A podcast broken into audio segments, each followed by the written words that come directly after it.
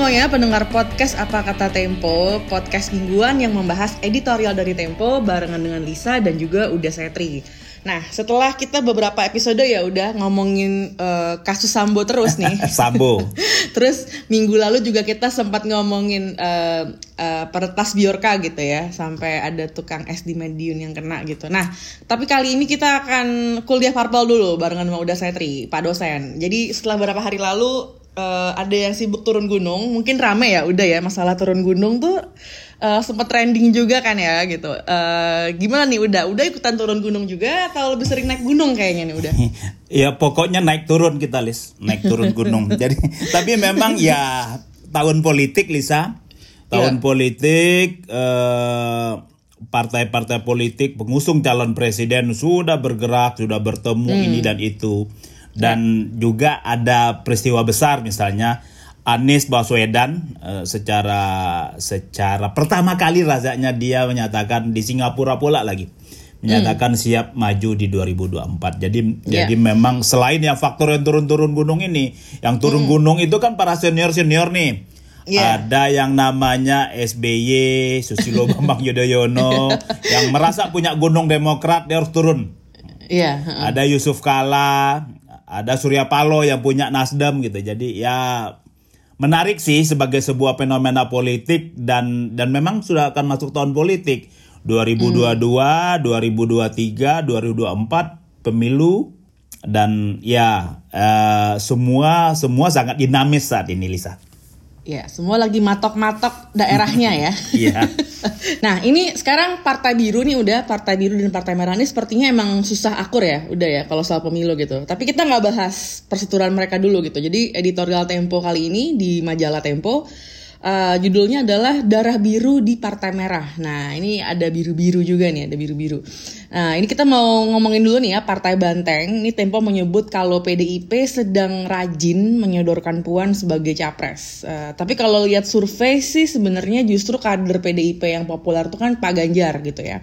Tapi namanya ini makin jarang kedengeran gitu. Nah, ini gimana nih udah nih? Apakah darah biru segitu kentalnya di PDIP udah? Ya, di, biru memang sangat sensitif untuk uh, hmm. Partai Merah. Partai Merah, Partai Merah adalah sebutan lain Partai PDIP, Partai berlambang banteng gitu. Jadi, jadi itu bahasa jurnalistik, Lisa agar tidak terjadi pengulangan. Partai yeah. Biru Demokrat gitu. Jadi ya meskipun di dalam internal dalam internal PDIP sendiri itu ya ada banyak darah, jangan-jangan darah merah, darah biru gitu. Jadi darah biru adalah orang yang memiliki Trans Soekarno. Hmm. Uh, PDIP sudah bertahun-tahun ketua umumnya Megawati Soekarno Putri dan sekarang adalah penentuan sebetulnya penentuan hmm. siapa yang akan diusung. Oke, siapa yang di, akan diusung menjadi calon presiden di 2024. PDIP menjadi partai yang spesial karena dia menjadi partai pemenang pemilu pada 2019 hmm. dan mempunyai suara yang cukup untuk mencalonkan diri sendiri gitu. Jadi calon sendiri dia tidak perlu koalisi dengan yang lain, dia boleh mencalonkan siapa saja dia mau gitu. Jadi mm. jadi partai seksi sebetulnya PDIP ini karena mm. ya karena dia punya uh, punya melebihi batas ambang batas pengusulan calon presiden ya? kan presiden threshold. Jadi jadi memang dinamis. Dalam satu kondisi ada dua calon gitu. Ada Ganjar Pranowo yang bagi kita adalah kader lama tapi tidak memiliki darah biru karena hmm. dia ya darahnya jelata nih jelata jelata jadi jadi ya ini awam nih jadi kadar yeah, awam yeah, yeah. tapi melejit di, di survei ya melejit di survei uh, ya tiga besar lah kan tiga ya. besar yeah. kan itu itu aja nggak Prabowo nggak Anies nggak Ganjar tukar-tukaran mereka yeah. meskipun Ganjar yeah. lebih sering gitu sisi yeah. lain ada pemegang hak trah ada hmm. ada pemilik uh, darah biru yang juga ingin maju yang namanya Puhan Maharani. Puhan Maharani anak apa? Anak perempuannya Megawati. ya, ya dia juga kita tahu lah sejak lama uh, ingin maju. Ya. Uh, tapi Yang ingin Puan apa yang ingin Mega? Dua-duanya kayaknya. tapi sih kalau oke. melihat apa yang terjadi, Puannya yang yang pengen Oke. sekali gitu. Jadi, Oke, tapi iya, wajar juga Lisa. Ini Hmm. partai ketua umumnya ibuku. Jangan-jangan Mbak Puannya punya pikiran begitu. Hmm. Partaiku tidak perlu koalisi yang lain. Kalau bisa mencalonkan keluarga sendiri, kenapa orang lain? Jangan-jangan. Tapi ini jangan-jangan ini, ini Hmm. Baru jangan-jangan, baru jangan-jangan. Iya. Nah, jadi jadi itu Lisa. Jadi dinamikanya kencang meskipun belakangan. Betul. Ini belakangan Ganjar semakin tergeser. Hmm. Ganjar semakin tergeser, terus timbul oh kalau Ganjar semakin tergeser siapa nih? Apakah Puan sementara eh, ya pemilu itu waktunya sudah jelas 2024. Kemudian ini kan sangat ilmiah nih, sangat terukur. Mungkin tidak maju untuk menjadi presiden, tidak juga. Oh, jangan-jangan Puan memang sedang hanya disiapkan untuk jadi wakil presiden saja. Tapi timbul lagi pertanyaan menjadi aneh dong. Ini eh, punya eh, punya hak suara yang besar tanpa perlu koalisi malah mencalonkan eh, wakil presiden padahal dia bisa mencalonkan presiden ditarik ke belakang kemudian dipicu oleh pernyataannya Pak Susilo Bambang Yudhoyono mantan presiden eh, bekas ketua umum Partai Demokrat ya eh, menyatakan bahwa ada skenario dari PDIP dan ini juga sudah pernah disampaikan oleh Sekjen eh, PDIP Pak Hasto bahwa PDIP memang menginginkan hanya ada dua pasang dalam Pilpres 2024 Ah, ini ketika ada setelan dua pasang tiga pasang ini bahaya buat demokrasi lah. Masa oke. sa- eh, publik harus dikasih calon yang banyak. Betul. biar dia pilih eh, orang yang mereka anggap baik gitu. Jangan nggak usah dibatas-batasi.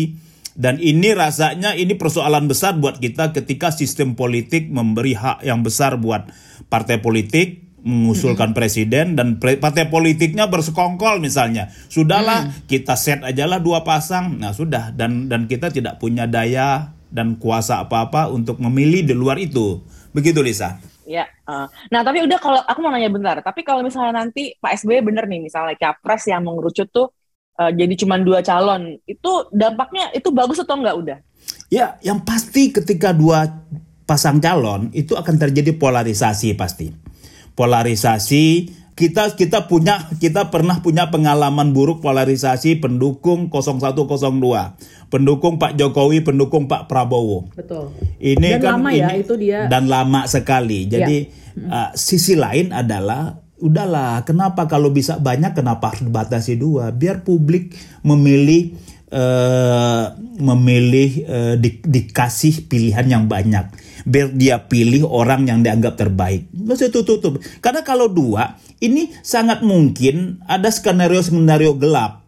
Oke kita ini pasangannya pasangan pasti menang. Eh, pasangan yang juga berpeluang menang tidak kita eh, kasih akses. Lakukan dengan berbagai cara misalnya Eh, terus kita cari pasang pendamping. Ya sudah. Ya ini bukan eh, pesta demokrasi pesta aturisasi gitu. Jadi jadi prosesnya mengatur gitu. Jadi eh, tangan-tangan gelap eh, pemegang kuasa di partai-partai politik partai-partai penguasa mengatur agar pemilu ya ala kadarnya pemilu bukan mencari eh, orang yang terbaik.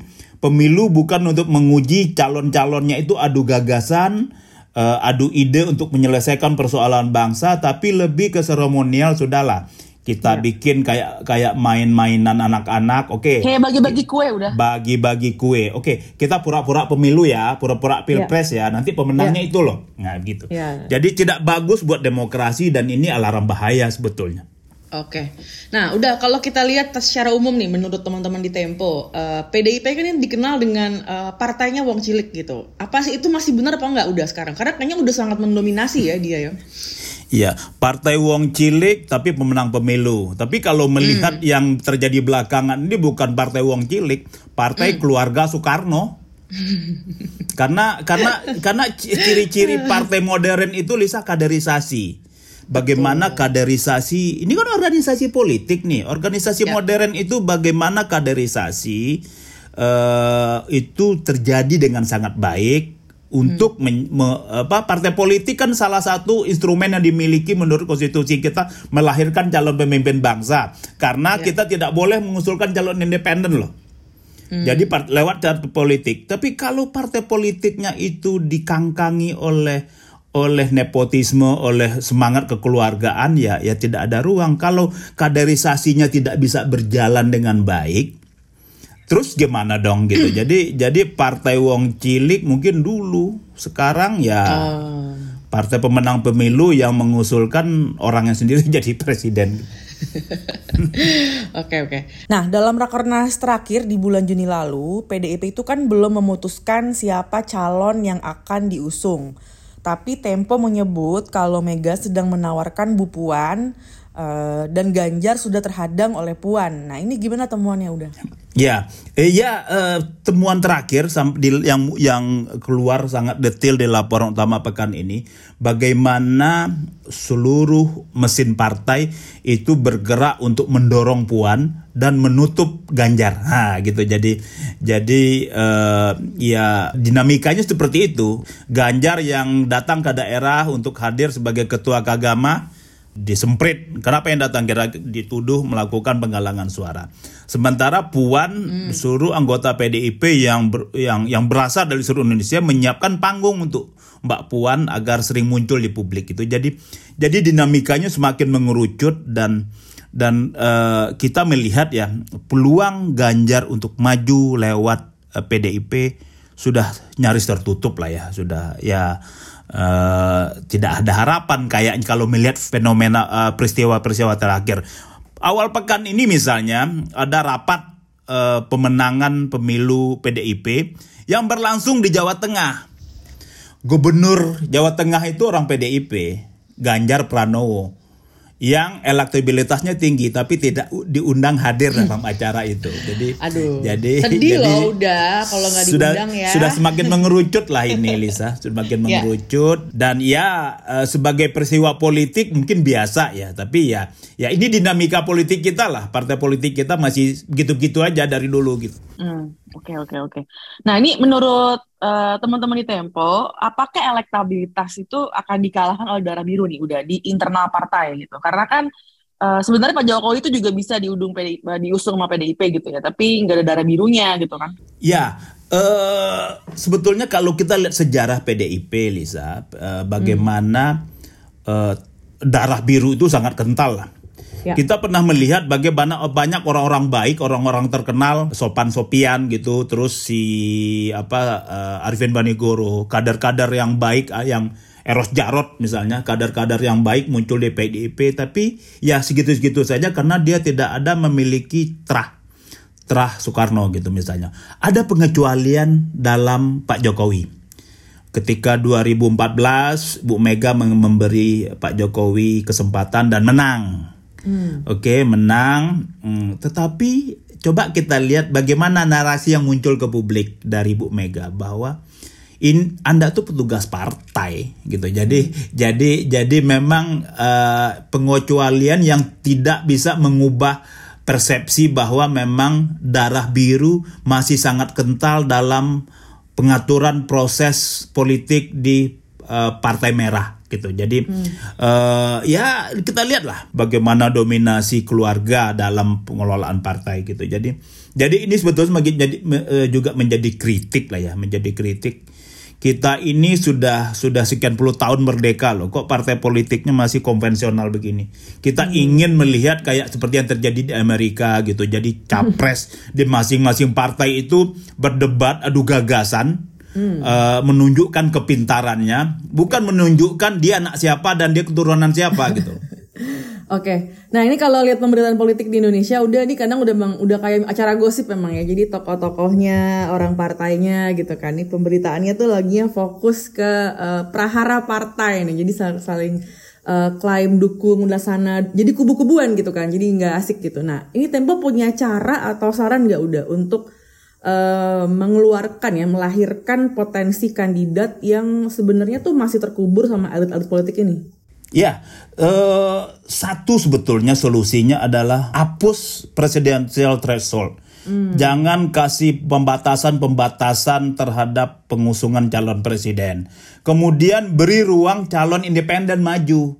Ini kita hmm. di pilkada, ini kita tidak fair juga ini sistem yeah. politik kita. Di hmm. pilkada, di gubernur, di bupati, wali kota boleh, tapi di presiden tidak boleh gitu. Hmm. Jadi terus kita me melihat gimana gitu. Jadi kasih ruang, hapus presiden threshold itu, kemudian kasih ruang calon calon independen maju dengan berbagai pengaturan mungkin ya. Lagi-lagi Lisa sudah pastilah ketika ada 10 pilihan ketimbang dua pilihan pasti orang ini statistik sederhana lah. Orang-orang terbaik akan bisa kita temukan di 10 pilihan ketimbang dua pilihan gitu loh. Kan hmm. kan lebih banyak apanya. Kemudian ya, ada narasi oh biaya politiknya mahal. Hmm. biaya biaya politik kemudian pelaksanaan pemilu. Ini kan narasi-narasi yang yang selalu keluar untuk ya eh, untuk menghambat lahirnya orang bagus tadi gitu loh. Kenapa hmm. tidak diciptakan sistem pemilihan pemilu yang lebih modern, hmm. lebih di era teknologi yang maju. Kenapa kita tidak, tiru negara-negara yang maju sana untuk sistem sistem sistem proses demokrasi, pemilihan presiden, pemilihan gubernur yang lebih modern dan lebih di, yang mengarah ke digital gitu. Jangan-jangan uh, harga mahal ini, biaya mahal, uh, risiko politik ini adalah narasi yang dibuat untuk ya tadi untuk melanggengkan bagaimana dominasi partai politik. Hmm. Begitu powerfulnya partai politik untuk me boleh memilih siapa saja mereka mau bukan berdasarkan kualitas itu membuka uh, munculnya orang-orang tidak berkualitas maju.